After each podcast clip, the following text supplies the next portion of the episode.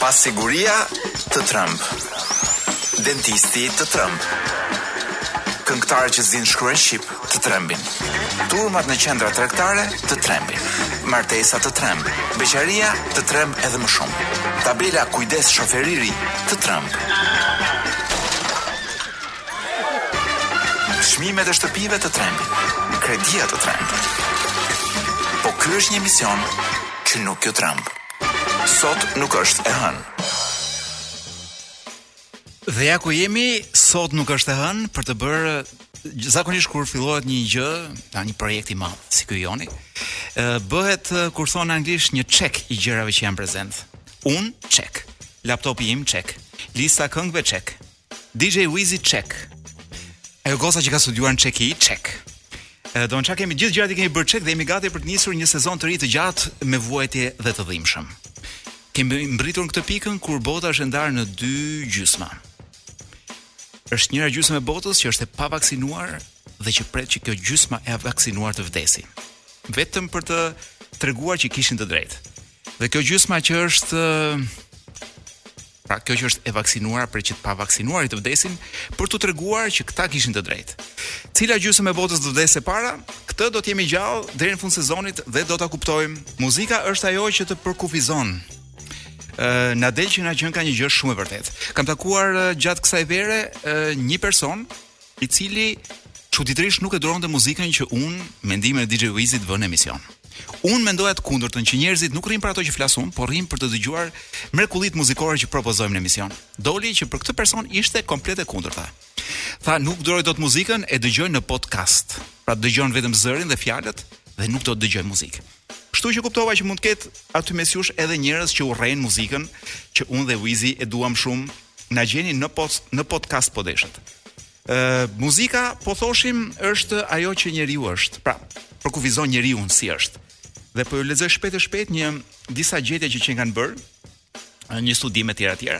I cili thotë që njerëzit përkufizohen shumë nga zhanri i muzikës që dëgjojnë. Për shembull, ë studimi është bërë në Britani, po duke qenë se gjysma e Britanisë janë me origjinë shqiptare ose emigrantë shqiptarë.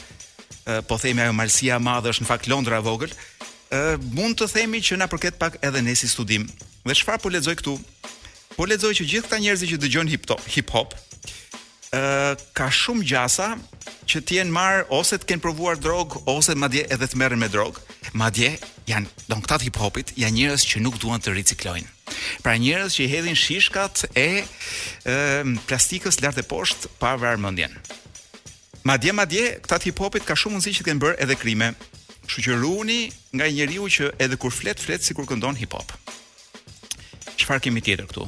Po janë këta njerëz që na shesin veten për shumë të sofistikuar sepse dëgjojnë muzikë klasike. Nuk qenka dhe aq e vërtetë. Tani sigurisht që fakti që të pëlqen një grua që çirret me zë të lartë, ë uh, tregon që ti në fakt ke gjë kundër grave, mendoj unë. Por jo vetëm kaq, ë uh, këta njerëzit në fakt qenkan thjesht njerëz të turpshëm. Prandaj orientohen tek muzika ë uh, klasike. Për sa i përket muzikës rock edhe metal, këta na qenkan me demek njerëz që janë rehat me veten e tyre e të tjera të tjera. Sot nuk është e hënë. Bëmat e javës së kaluar. Pra një le të themi një nuk mund të thuhet ditar, po javar, le ta quajmë, meqenëse është ditar i gjithë javës. Çfarë ka ndodhur në javën e kaluar? Kaos lexoj këtu te Kadastra e Vlorës. Qytetari hipën në kangjella, hipën nga kangjellat dhe paska thënë fjali të tipit për çfarë tipit pse na sjellin vërdall, çfarë duan, lëkurën apo para. Nuk di ç'të them për këtë lajm. Unë di të them që te Kadastra e Vlorës ndoshta do duhet një ekzorcist, sepse unë mendoj që kadastra e Vlorës është e poseduar nga djalli. Foto, u e kanë nxjerrë dhe me foto. Duke njohur pra paskam paskemi katër rusë me çanta misterioze mes serbëve në veri të Kosovës. Po unë do thoja që rusët dhe ne kemi parë edhe kur vijnë për pushime këtej nga ne dhe vijnë dhe me çanta. Në përgjithësi në çantat e tyre përmbajnë, do mbajnë vetëm vodka edhe foto nudo të Putinit. Për këtë mund të dëshmojnë të gjithë hajdutët e çantave të plazheve. Kemi këtu edhe një foto të Ramës që paska takuar George Sorosin. Nuk mungojnë fjalitë e tij përkëdhelëse, është një mik i çmuar dhe një mendje e rrallë. Ë, më shumë tashi foto me George Sorosin kam dhe unë sepse po rastise në vendin e caktuar, në konferencën e caktuar mes 100 vetash, ai nuk ta refuzon një foto. Por unë nuk dal ta bëj publike si Rama dhe sepse mendoj që duke dalë në foto me Sorosin dhe duke ja treguar të gjithëve, do më dukej vetja si puna e këtyre lepurushëve që rrinë me ca të fortë, në mënyrë që të trembet e gjithë lagja prej tyre. Mirëpo, Sorosi ca i mban vërtet del foto me ta, po i mban thjesht për t'i fshirë atletet. kur vesh atlete, ose për t'i pastruar shapkat nga rëra, kur vesh shapka. Vazhdoj me lajmet e javës së kaluar, sigurisht që ju ka rënë në sy edhe ky lajmi simpatik i këtij italianit që kishte inskenuar vdekjen. Uh, unë nuk e di me çfarë ishte marrë ky, po unë mendoj që ky duhet të ishte marrë patjetër me filma, pra me, me vepra arti. Një inskenim i jashtëzakonshëm.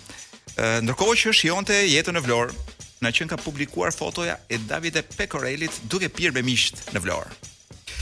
Uh, unë mendoj që këtë lajmin e këtij uh, italianit duhet t'ia ofrojnë të gjitha, pra, duhet që të gjitha paketat turistike ta ofrojnë, ta ofrojnë, uh, si me thënë, në formë promocionale, domethënë, neve ju ofrojmë inskenim vdekje, dy javë pushime në Turqi, jo në Vlorë, all inclusive të gjitha. Kemi prap një tjetër një foto lajm, dy persona që dyshohet që të jenë Ivanka Trump me me burrin e saj. Ore, Wiz, se ti je njohës i thellë i politikës amerikane. Kjo Ivanka me kë është martuar me Ashton Kutcher, si quhet? Si quhet ai burri i Ivankës? Se ne këtu në Shqipëri e njohim thjesht, e njohim thjesht nga gruaja. Pra e dim që ky është nga fshati i gruas dhe dhëndri i Trumpit, po ë ehm, paskan qenë këtë verë në Shqipëri. Një foto që i ka kapur nga shumë larg, supozon që janë këta të dy. Dhe imagjino që këta t'i thonë të jatit që të vijë dhe të investojë në Shqipëri. Diun. Çfarë mund të ketë nevojë Shqipëria? Çfarë ka ngelur Shqipëris për të investuar më? Çfarë kanë lënë më për të investuar? Ka ngelur hapësirë më duket për zgara dhe për qebaptore. Kështu që aty po do ta linin dhe Trumpin, pra këta ujqit e brendshëm do ta linin këtë ariun e jashtëm që të vijë dhe të investojë në këto Territoret jo shumë të prekura që thash janë zgarat dhe tymrat. Në Vlorë me granatë në do kjo këto lajmet e kësaj jave paskan qenë të gjitha nga Vlora. Me granatë dhe pistoletë lexoj këtu shkodrani, pra ka marrë rrugën tjetër që atje, paska plagosur studenten 20 vjeçare që është mirë me shëndet, prandaj mund të bëjmë ca humor. Sepse le të themi që në raste të tilla, në drama dashurie këta meshkuj shqiptarë, sidomos ata nga Shkodra, janë pak si thua të brishtë kështu fragile, janë fragile, janë si të papjekur, kështu që no, kjo gjëja dihet, po ë uh, që bëjnë dhe gjëra të të, të dhunshme e kemi parë, po granata është një element i ri që është shtuar në arsenalin e meshkujve të lënduar në ndjenjat e tyre. Unë unë dija që granata përdorej për suspans në filma. Tash u përdorka për suspans edhe në dashuri. Granata. Ore kemi ndonjë këngë me granata atje. S'kemi. E, që shke radio kështu. Pa pikë armatimi i kanë këngët. E, që u ka rihapur dosja Gërdeci, mm, e, kërkesa e SPAK-ut, apeli i GJKKO-së e paska pranuar, me diu për gjukim, ka pu, kjo puna dosjeve, a nuk ju duket edhe ju që është, do gjitha këto dosje sikur janë, janë kështu si, janë si dosje magjike, si dosje sikur vijnë nga bota e Harry Potterit, Domethënë sa herë që hapen ose thonë që do hapen, do hapen, do hapen kur fap, mbyllen prapë. Ëh, edhe në këtë rast, pastaj Harry Potteri thotë, dhe tani të dashur miq, le të rindjekim shpërthimin e Gërdecit edhe një herë në video. Ëh, një i sëmur, a, kjo ishte shumë interesante, një i sëmur me Covid ka shpenzuar 1000 dollarë për mjekim. Më duhet të garantoj duke vënë dorën në zjarr, dorën time, që kam shpenzuar të paktën dyfishin, mos trefishin e këtyre. Ëh, dhe qeveria i dha vetëm 40 dollarë. Pra gjithë këtyre që kanë shpenzuar 1000 dollarë për mjekim, qeveria i ka dhënë shpër, dëmshpërblim vetëm 40 dollarë. Atëherë DJ Wiz njofto policinë, kush i ka marrë dollar 40 dollarët e mia? Domethënë ju do thoni që unë harxhova 2000 e kusur nëpër privatra pavarësisht se paguaj sigurime e të tjera, po Nuk desha t'ju shqetësoj kaq shumë sepse e di që juve hallet e Shqipërisë në përgjithësi ju shqetësojnë. Juve doni çik tallava, një çik uh, auiu, ku di unë, po një çik të bardhë aty këtu, domethënë t'i harrojmë këto hallet e Shqipërisë. Ë, uh, kaq kishim për lajmet e javës. Mirë Wiz, mirë jemi thotë. Çfarë kemi tani? Kemi muziçki apo kemi reklamçki? Pas kemi muziçki një herë. Dhe në kuadrin e muziçkit, ë uh, kur them muziçki nuk dua ta them siç e thonë sllavët, po e them në mënyrë përkëdhelore, siç e thonë uh, korçarët. Na vër çik muziçkë. Ë uh, muziçka që kemi tani është shumë e mirë. Ky është Manu Chao dhe kjo kënga nuk është shumë shumë e, e lodhur nëpër radio. Sot nuk është e hënë. Ky është një emision që nuk ju tremb. Ama nuk ka se si mos trembesha kur po shihja copza, po prisnim në hollin e radios dhe po shihja copja, copza të vizitës së kryeministrit shqiptar në Kosovë. Një vizitë e cila ndodhi në një periudhë shumë të vështirë. ë Vizita pjesa e vizitës që unë arrita të kapja ishte e kryeministrit në univers në një universitet në Kosovë. Shpresoj në universitetin publik edhe pse kryeministri shqiptar i urren gjërat publike. Kur them gjërat publike, kam fjalën për gjërat në pronë publike, por jo shfaqjet dhe ekzibicionizmat publike. Dhe kapa copa bisede ku ai po u fliste për patatet, për për ata që shesin patate, që më dukej, m'u duk një bisedë shumë intelektuale për t'u bërë me sidomos me 19 apo 20 vjeçarë në në bankat e, e shkollës.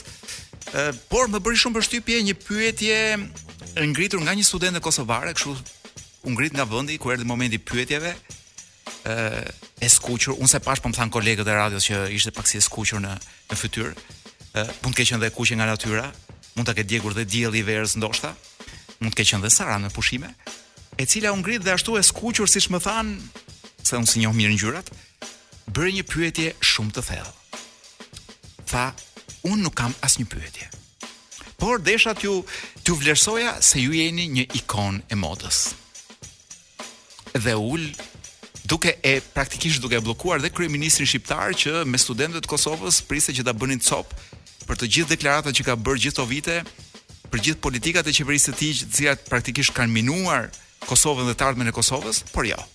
Studentja kosovare u ngrit dhe bëri një vlerësim prej fashioniste. Ë shpresoj që të ke qenë duke transmetuar pyetjen e vet, jo pyetje, edhe live në Instagram. Po kjo gjë më bëri të të preokupohem ca. Sepse nuk jam shumë i qartë çfarë imazhi ka kryeministri shqiptar në Kosovë. Ne e dimë ose disa prej nesh e dinë paktën që gjatë kohës së komunizmit Enver Hoxha ishte një mit mes kosovarëve, sepse kishte arritur që përmes propagandës së tij t'u projektonte atë të një babai të kombit që lufton për bashkimin, kur ka shumë argumenta që tregojnë që ai nuk bëri asgjë për për bashkimin e kombit dhe në gjithë veprimet e tij ai ruante vetëm për veten, pra ruante vetëm veten e tij dhe nuk kishte asnjë synim kombbashkues. Kështu që nuk e di nëse vërtet Rama perceptohet në Kosovë sikur është një ikonë e modës. Po gjëja që un shoh vazhdimisht në shtypin pro Ramës është që aty ka një ofensivë të vërtetë ndaj Albin Kurtit. Ë lexoj vazhdimisht shpifje ë artikuj opinione ë që për mua janë rrëqethëse, për faktin që janë shumë keqinformuese dhe janë të gjitha të porositura. Pra është një media tërë e porositur e cila po godet Albin Kurtin dhe unë besoj që dy janë arsyet për këtë. Arsyeja e parë është që në qoftë se ka një të majtë të vërtetë në Ballkan ose të paktën në territorin shqiptar është ajo e përfaqësuar nga Albin Kurti. Pra ajo është e majta e vërtetë Ajo e cila shqetësohet për punëtorët, shqetësohet realisht për të varfrit dhe nuk bëhet palë me oligarkët. Ë, një është kjo dhe e dyta, mendoj që kryeministri jonë ë, ka rënë në një dashuri të thellë me kryeministrin ë, me kryeministrin serb, e cila nuk është dashuri ndjenjash, do thoja unë, nuk është dashuri zemrash, është dashuri ë, qesesh. Ë, paja e atij serbit është e mirë, paja e këtij tonit dihet që është e mirë. Kështu që imagjino të bashkohen dy pajat në një projekt ekonomik rajonal, çnam, çnam do jetë çfarë çifti. Nusja dhe dhëndri do ishin të mrekullueshëm. Dhe kjo është arsyeja se pse kryeministri jonë e, go, e ka goditur non stop përmes mediave të tij kryeministrin kosovar. Por sot bënte kështu si urt, sikur sikur pa, si një patriot që shqetësohej për hallet e Kosovës, por një analizë shumë të mirë të kësaj mund ta lexoni te Lapsi të shkruar nga Andi Bushati përpara nja 3-4 orësh. DJ Wiz, mos të bezisa me temat e mia patriotike. Se kuptoj që ti DJ Wiz i dashur shok ka kohë që më i dashur dëgjues i radios ka kohë që më do që të më bëj të flas për bashkimin e Shqipërisë me Himarën. Dhe më thotë, "Or pse nuk bashkohet Himara me Shqipërinë, më por që të hym do na të flasim shqip, ku di un të hyjmë pa viza në Himarë etj etj. Ë, po unë nuk kam pla, nuk kam plan të flas për patriotizëm, sepse siç tha dhe Lubonja patriotizmi është streha e fundit e maskarenjve. Pra gjithë ata që shiten si patriotë në të vërtetë janë copa maskarenjsh, e të tjera e të tjera, lexoni Lubonjën në këtë rast. Yuri orbital të tremb. Ju të bera. Të tremb. Po ky është një emision që nuk ju tremb. Sot nuk është e hënë. Po sa do përpiqemi neve që të mos ju trëmbin, ngado që ktheheni ka vetëm gjëra trëmbëse. Ndërkohë që un po flas dhe ndoshta ju po më dëgjoni, paralelisht me ne po transmetohet edhe Përputhen. Kjo është një shenjë shumë e mirë në fakt, sepse jam shumë i qetë që të flas lirshëm, pa pasur uh, rastësisht, po themi në dëgjim, edhe fansa të Përputhen. Un mendoj që uh, njerëzit uh, që që ndjekin Përputhen, duhen shënjuar si shënjonin ku di un dikur ku di un hajdutët për shembull që të njiheshin nga të gjithë. Pra u duhet vënë një shenjë që ne t'i dimë kush janë, edhe thjesht të mbajmë pra të mos e diskriminojmë, po thjesht të mbajmë një lloj distance shëndetësore prej tyre. Ë dua Përfitoj gjithmonë nga ky rast që këta të Përputhen nuk janë në dëgjim sepse janë duke parë, goja u është hapur, një pjesë ndoshta në divan, disa në karrige, disa nëpër dyqane, me sytë këshu që u ngjiten magnetikisht te ekrani, duke dëgjuar bisedat tmerrësisht intelektuale të atij programi, dhe goja atyre u bie këshu, tak u hapet shu, nga një habi shumë e madhe. Si mund të jetë bota aq interesante sa ajo e atyre të Përputhen? Këtë nuk kemi për ta marrë vesh kurrë, por unë do doja të përfitoja nga ky rast siç thash për t'ju folur për diçka që mua më pëlqen shumë. Të flasim pak për muzikën. Ë do flasim për muzikën dhe duhet t'ju flas për një personazh muzikor. Nuk është personazh muzikor. Kjo gruaja është një aktore shumë e madhe, ka marrë Kanën, ka marrë ë ka marrë disa çmime të tjera nëpër Europë, ka marrë Césars, më duket si aktore. ë shumë e mirë është. Është Charlotte Gainsbourg. Gjëja e veçantë e kësaj Charlottes është që është e bija e një muzikanti edhe e një aktoreje. Çfarë e ka bërë e ka bërë të rritet në një ambient toksik artistik. Charlotta, që kur ishte 12 vjeç, duka 10 vjeç, 9 vjeç, ka kënduar një këngë me të atin dhe kënga kishte nëntekste incestuale. U bë një duhet të ketë qenë viti 80 e ca, ndoshta 84, 87, s'më kujtohet mirë, një debat i madh botëror, domethënë për këtë burrin, për këtë babain artist, i cili merrte të bijën dhe bënin një këngë ku kishte nëntekste incesti. Kënga ishte shumë revolucionare dhe shumë shqetësuese në të njëjtën kohë. Vetë Charlotta u rrit për t'u bërë një aktore shumë e mirë, por edhe një këngëtare interesante. Ka plot njerëz e njohin si aktore, po ajo ka publikuar disa albume dhe tek njëri prej tyre kam gjetur një këngë që mua seç më krijon kështu një si lloj gudulisje emocionale. Një film shumë i rëndë, ju këshilloj ta shihni vetëm pasi jeni të martuar dhe ndoshta mas vitit të 7 të 8 martesës. Vetëm atëherë mund ta përballoni atë film. Por për mua një film i jashtëzakonshëm.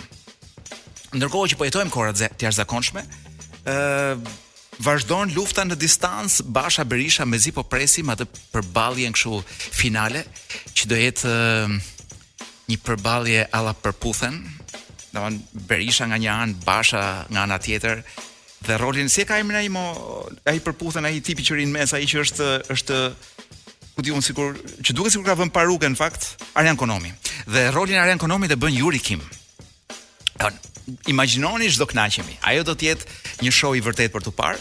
Për momentin lufta vazhdon në distancë, kanë dalë artileritë e lehta për momentin dhe sa herë thashë për momentin nja 10 herë më duket. Turp të më vijë. Ë kjo është varfëri fjalësh në fakt.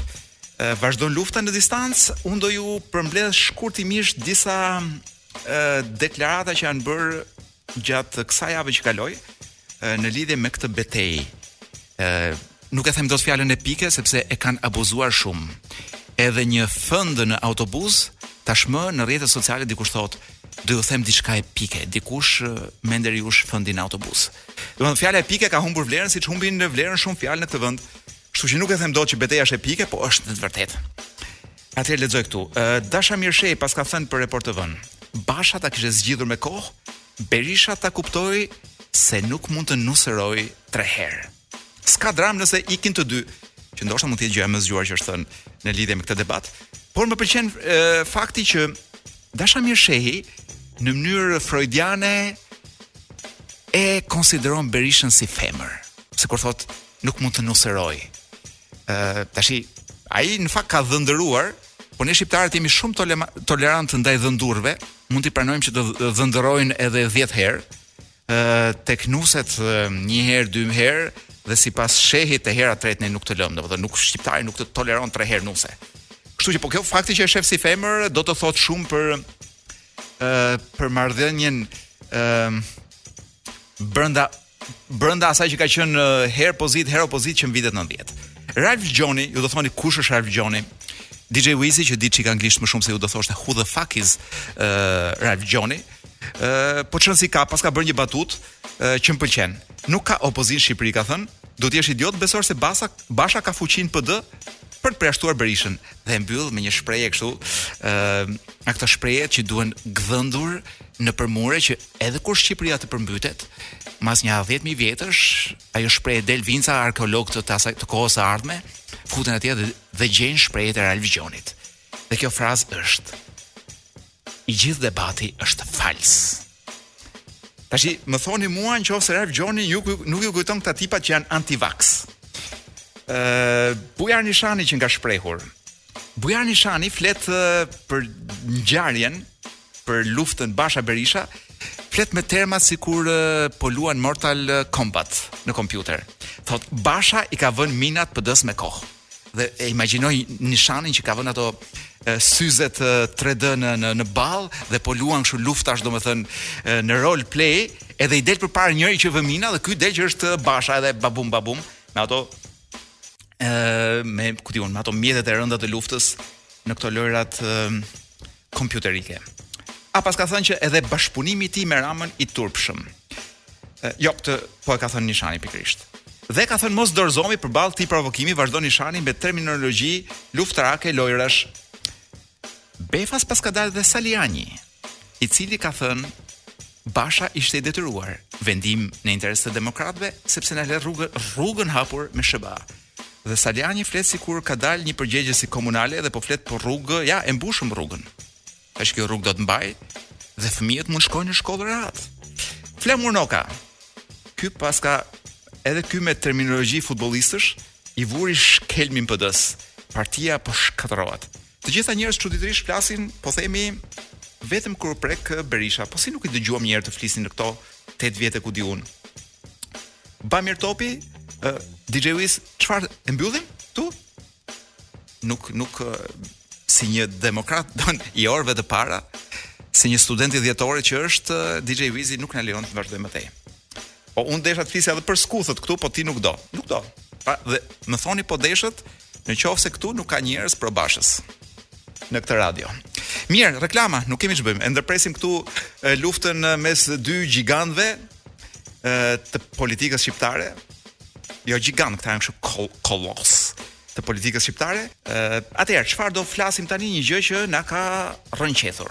Juve këtë lajm mund ta gjeni dhe mirë që ta hapni nëse keni ë pra nëse keni për kollaj, ta hapni në rrjetet tona sociale, Ë uh, ku kemi hedhur përpara nja një ore ndoshta kemi hedhur disa foto të disa pikturave të vjetra ku duken uh, njerëz personazhe që mbajnë celular në duar. Ë uh, dhe kjo është një shenjë vallë që ka pasur njerëz që kanë udhëtuar në kohë. Pra njerëz që nga 2020-a po themi kanë të mërzitur nga pandemia, kanë udhëtuar mbrapsht në kohë në 1600-ën, ë kanë bërë një pikturë atje, kanë futur dhe një celular për qef. ë dhe kjo pikturë na vjen ne sot, kështu dhe na habit. Tani po dëgjon, po të dëgjoni atë të çmendurin Çakon ai dhe kështu mund t'jua shesi si lajm. Por e vërteta është krejt tjetër dhe do jua them se çfarë. Piktura e parë, siç thash ju, mund unë do t'i shkurtimisht do t'i shpjegoj në radio, pra do flasim për pikturat, po me llafe, pa i parë, ju mund t'i shihni në rrjetet sociale. Është një pikturë e 1860-s nga një personazh që quhet nga një piktor që quhet Ferdinand George Waldmüller. Ë ai që pritej titullohet The Expected One, quhet piktura. Pra është e vitit 1860 Është një djalë që pret në një shteg ka atë peisazhin e bukur atje në sfond kështu me ca reçka të bardha, me ca male të vogla që nuk janë malet e Krujës, me ca pemë që nuk është pylli orbital orbital i, i Veliajt. Dhe kjo vajza që ecën në mes me një celular në dorë, Unë e shoh që këtu madje e kam në ekran dhe duket si një iPhone. Pra ecën kjo me iPhone në dorë, komplet e përqendruar. Ë uh, edhe një zmadhim i madh që kam këtu poshtë, ju mund ta shihni siç thash në rrjetet tona sociale dhe zmadhimi i madh i kësaj pikture tregon që vajza ka një celular në dorë. Piktura e dytë është një murale e vitit 1937, 937 pra, piktura nga një piktor italian diku në diku në Amerikë, nuk e di se ku. Ë një pikturë murale në mur ku duket sikur është një përplasje mes tribuve indianësh, pra vetë piktura i referohet një ngjarje të viteve 1600 Dhe në mes të rrëmujës dhe të katrahurës, këtu është një burrë i lidhur, ë këtu është një indiane lakuriq. Aty është një indian lakuriq që po më rrënqeth me atë pamje vetë një mashkull me ca bicepsa, me ca pektorale këtu të indian dhe ai. Dhe në mes këtyre është një indian tjetër me një celular në dorë. E shoh dhe këtë të zmadhuar, është e 1937-ës, e shoh dhe këtë të zmadhuar, ju mund ta gjeni në rrjetet tona sociale, dhe ja shoh që e ka ku di unë 3 giga si do sa, sa është me, me, me, me se matet memoria more me giga matet o DJ Wiz me giga thotë dhe duket që është ku di unë është me tre kamera nga mrapa po them një mund të jetë dhe Samsung i kohës së fundit piktura e tretë që edhe këtë ju mund ta shihni në Instagramin tonë të radios Është gjithashtu një pikturë e vitit një mijë e gjashtëqind e shtatëdhjetë nga një piktor që quhej Pieter de Hooch. Është një zonjë, është një qen i vogël aty në një në një nga këto ndërtesat e mëdhaja me ato tavanet e larta, një gocë e vogël atje në fund përtej dritares shof dy zonja buzë një pellgu. Ha, goca e vogël ka ndërkohë një një një një grep po peshkon, ky qeni që po përpiqet të kapë bishtin e vet sipas meje, Dhe kjo zonja këtu që duket që është e virgjër ose ti DJ Wizi do pyesi nga e di unë që është e virgjër. E po ka ca gjëra o Wiz që kupton edhe me eksperiencë, edhe në të parë. Dhe është një burrë që ka hyrë në dhomën e saj me celular në dorë. Një celular me touch. Biles më duket sikur është nga këto celularët modern fare që palosen dhe bëhen dysh. Tani ju do thoni që më thoj, më thuaj po deshe që nuk ka njerëz që udhtojnë në kohë. E vërteta për fatin e keq të Çakos së shkretë është ndryshe. Është një lloj sëmundje, është një, nuk është tamam tamam sëmundje do thoja unë, se sa një gjendje mendore që na bën ne të shohim ta kuptojmë botën duke e objektifikuar, pra duke duke ndërtuar në gjëra që shohim, gjëra që truri jonë mban brenda. Ne që jetojmë në kohën e iPhone-it, projektojmë në të gjitha këto piktura iPhone. Po në qoftë se këto piktura do i kishte analizuar dikush, po themi në vitin 1980. Kur nuk kishte iPhone, nuk kishte smartphone, s'kishte fare celular, ama kishte telekomand, ë uh, ai do kishte menduar që këta të tre mbajnë në dorë telekomand.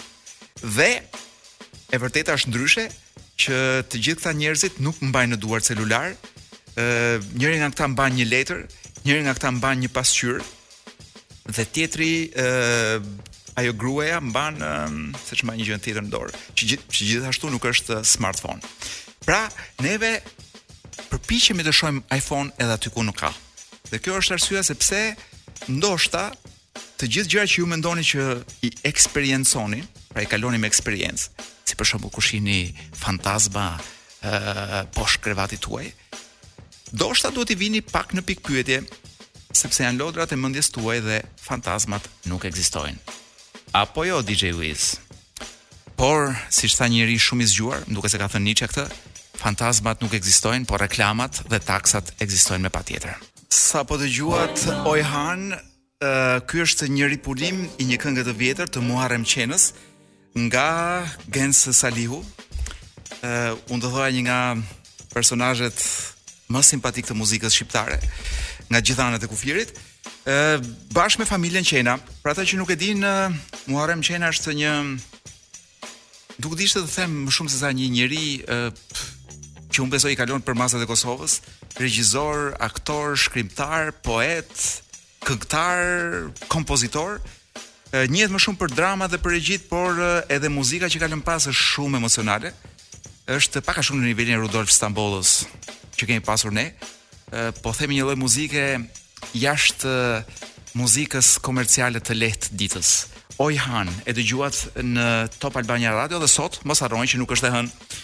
Në qoftë se kishit kujtuar që do ta hedhim ditën e sotme pa lexuar libra, e keni pasur shumë gabim. Arsyeja sepse ngulmoj të lexoj libra në një vend ku askush nuk lexon dhe të gjithë duan të shkruajnë, e keni parë ato mesazhet poetike pa shenja pikësimi dhe që nuk merren vesh gjysma shqip gjysma anglisht që dërgojnë të dashurit të dashurave. E pra kemi shumë dëshirë të jemi poetë, por thjesht në përgjithësi jemi shumë injorantë. Ë më duhet të them që problemi më i madh i shqipes është janë pikërisht kalamajt tuaj. Kalamajt tuaj që mësojnë më përpara anglishten dhe pastaj shkojnë në klasë të 5, të 6 ose të 8 dhe ju kuptoni që kalamajt tuaj nuk din shqip. Duke mos ditur shqip, nuk dinë mirë as të ndërlidhen në mënyrë sociale me të tjerët dhe mbi të gjitha nuk i përkasin, nuk nuk pra janë një kulturë mangut, sepse janë një gjuhë mangut.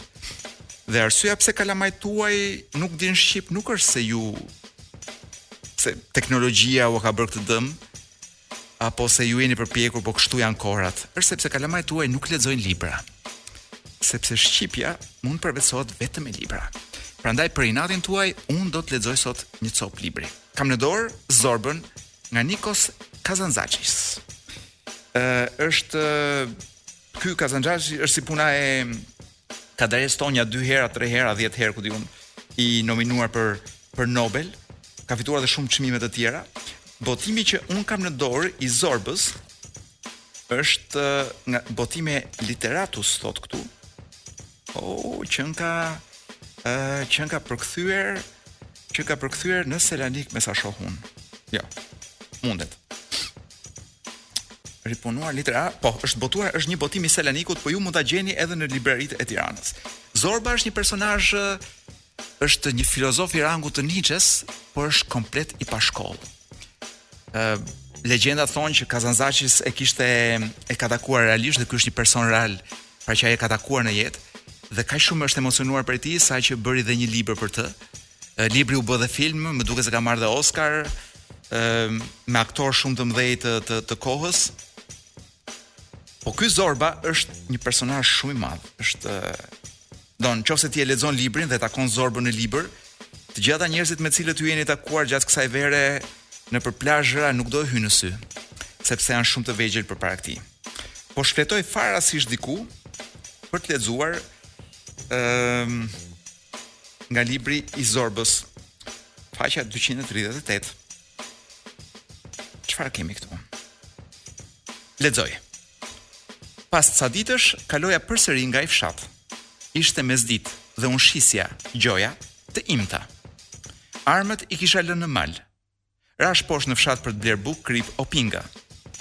Në derën e jashtme të një shtëpie shoh pesë zbatharakë të vegjël veshur në të zeza. Mbaheshin për dore e lypnin bukë. Tre çupa e dy djem. I madhi do të kishte qenë si nja 10 vjeç, ndërsa i vogli foshnjë. E mante në dorë mor motra e madhe, e puthte dhe i gëzonte faqet që të mos qante. Se si m'erdhi. U afrova dhe i pyeta. Kujt jeni mor kolopuçë? u thashë bullgarisht. Më i madhi nga çunat ngriti kokën e tij të vogël. Të priftit, që e therën pardje në stallë, tha. M'u ronitën sytë. Toka m'u rrotullua nëpër këmbë si gur mulliri. U mbështeta pas murit. Pa hajdeni mor çuna, u thashë, hajdeni këtu. Lirova silahun, hoqa një qese plot lira turke e mexhite, u ula në gjunjë, i zbraza përdhe. Na merrini, u thashë, merrini, merrini. Fëmijët u turrën dhe i mblodhën me doçkat e tyre të njoma një nga një. Tuajat, tuajat, u thashë, merrini. U lashë dhe shportën plot me mall. Edhe këto tuajat, merrini. Dhe ua dhashë këmbëve. Zbërtheva këmishën, hoqa Shën Sofinë që kisha qëndisur vetë, e flaka dhe vrapoja si i marrë. Dhe sot vrapoj. Dhe sot e kësaj dite, vrapoj si i marrë. E më thoni po deshët që Forrest Gump është më interesant se ky. Vraponte dhe Forresti i shkretë, po ja, vrapon dhe ky, vrapon dhe Zorba. Rikthehem tek libri. Zorba u mbështet në mur, u kthye dhe më nguli sytë. Kështu gjeta shpëtim, tha. Nga dheu. Po, nga dheu. U përgjigj Zorba me zë të qetë, të plotë. Shpëtova nga dheu, nga priftërinjtë, nga paratë. Jam i lirë. Sa vjen dhe çlirohem, lehtësohem. Si ta them, u bëra njeri. Sytë e Zorbës kishin një dritë të çelur, Goja e tij e madhe qeshte vesh më vesh. Dikur thosha ky është turk, ky bullgar, ndërsa ky tjetri grek. Kam bërë e kam bërë unë për atdheun sa kur i dëgjon të ngrihet qimja gjilpërë. Preva e vrava, plaçkita, dogja fshatra, përdhunova gra, mbylla dyer, lashë jetimë. E pse? Se na qenkan gjoja bullgarë e turq. T'u shoftë gjaku i them vetes shpesh dhe jap munxët. T'u shoftë gjaku mor hajvan. Po tani vura mend, shoh njerëzit dhe them, Ky është njeri i mirë, ky tjetri është i keq. S'më bëhet vonë nëse është turk apo bullgar. Në është i mirë apo i keq. Kjo më bren mua. E sa më shumë plakem, për këtë bukë që ha, edhe kësaj s'ia vë fort vesh, fort veshin, po si. Le të jetë si i miri, le të jetë si të jetë, i mirë i lig, Më vjen keq për gjithë. Më pikon zemra. E të tjera të tjera në librin e Zorbës së Niko Kazanzaqisit. Kjo trumpetë që po dëgjoni është nga një prej um, trumpetistëve më të mëdhenj të të gjitha kohërave, Freddie Hubbard, dhe është pjesë e këngës Zanzibar nga Billy Joel, një këngë e vitit 1978. Është është shumë jazzy për Billy Joelin e asaj kohe. Unë vë bast që ndoshta edhe prindi juaj s'kishte lindur akoma në atë kohë, Një mijë e nëntëqind e shtatëdhjetë e tetë. Një këngë Zanzibar e bërë e famshme edhe në TikTok. Seç bëri njëri një video, shkoi virale dhe kënga ka dalë në, siç po lexoj këtu në 400.000 video TikToku. E kupton ç'të bën TikToku o DJ Wiz? Të ngre nga varri, siç thoshte ë uh, Kadareja diku të don t'i ngrenë nga varri dhe t'i rivrasin ata të shkretët që kanë ikur. Ë uh, ky ishte fati i Zanzibarit të rikujtohet në 2021-shin. Ë uh, unë mendoj që është një nga këngët më të bukura të atij albumi, uh, që është uh, 52nd Street dhe që është realisht një tribut uh, ndaj jazzit do thoja unë. Zanzibari është një bar në këtë rast Është një bar dhe është një burrë aty dhe ka jazz dhe ka ku di unë ato ekranet e barit aty viti ë ka ndeshje bejsbolli dhe është një kamariere e bukur dhe ky njeriu i kësaj kënge ë ka dëshirë që të fitojë një bas atje, po edhe të ikin në shtëpi bashkë me atë kamarieren. E kush nuk e ka dashur një fat të tillë? Ë, po kush e ka arritur do thoni ju. Njoh nja dy tre dhe me emra. Kemi mbritur në fundin e kësaj nate të parë të sot nuk është e hënë. Kemi mbritur në fund, sezoni është i gjatë, është shumë i gjatë. Do ndodhin plot gjëra, do jetojmë në kohëra interesante them unë. Do takohemi së bashku përsëri pas një jave, por nuk mund të largohem pa ju lënë me diçka të mirë për të dëgjuar. Është Ala Ruska. Po një nga ato ruset e mira, në vëndëri të mira dhe të forta është Rock Rus dhe këta janë Mumiy Troll ju e dëgjoni në Top Albania Radio sot nuk është e hënë rikthehet javën e ardhshme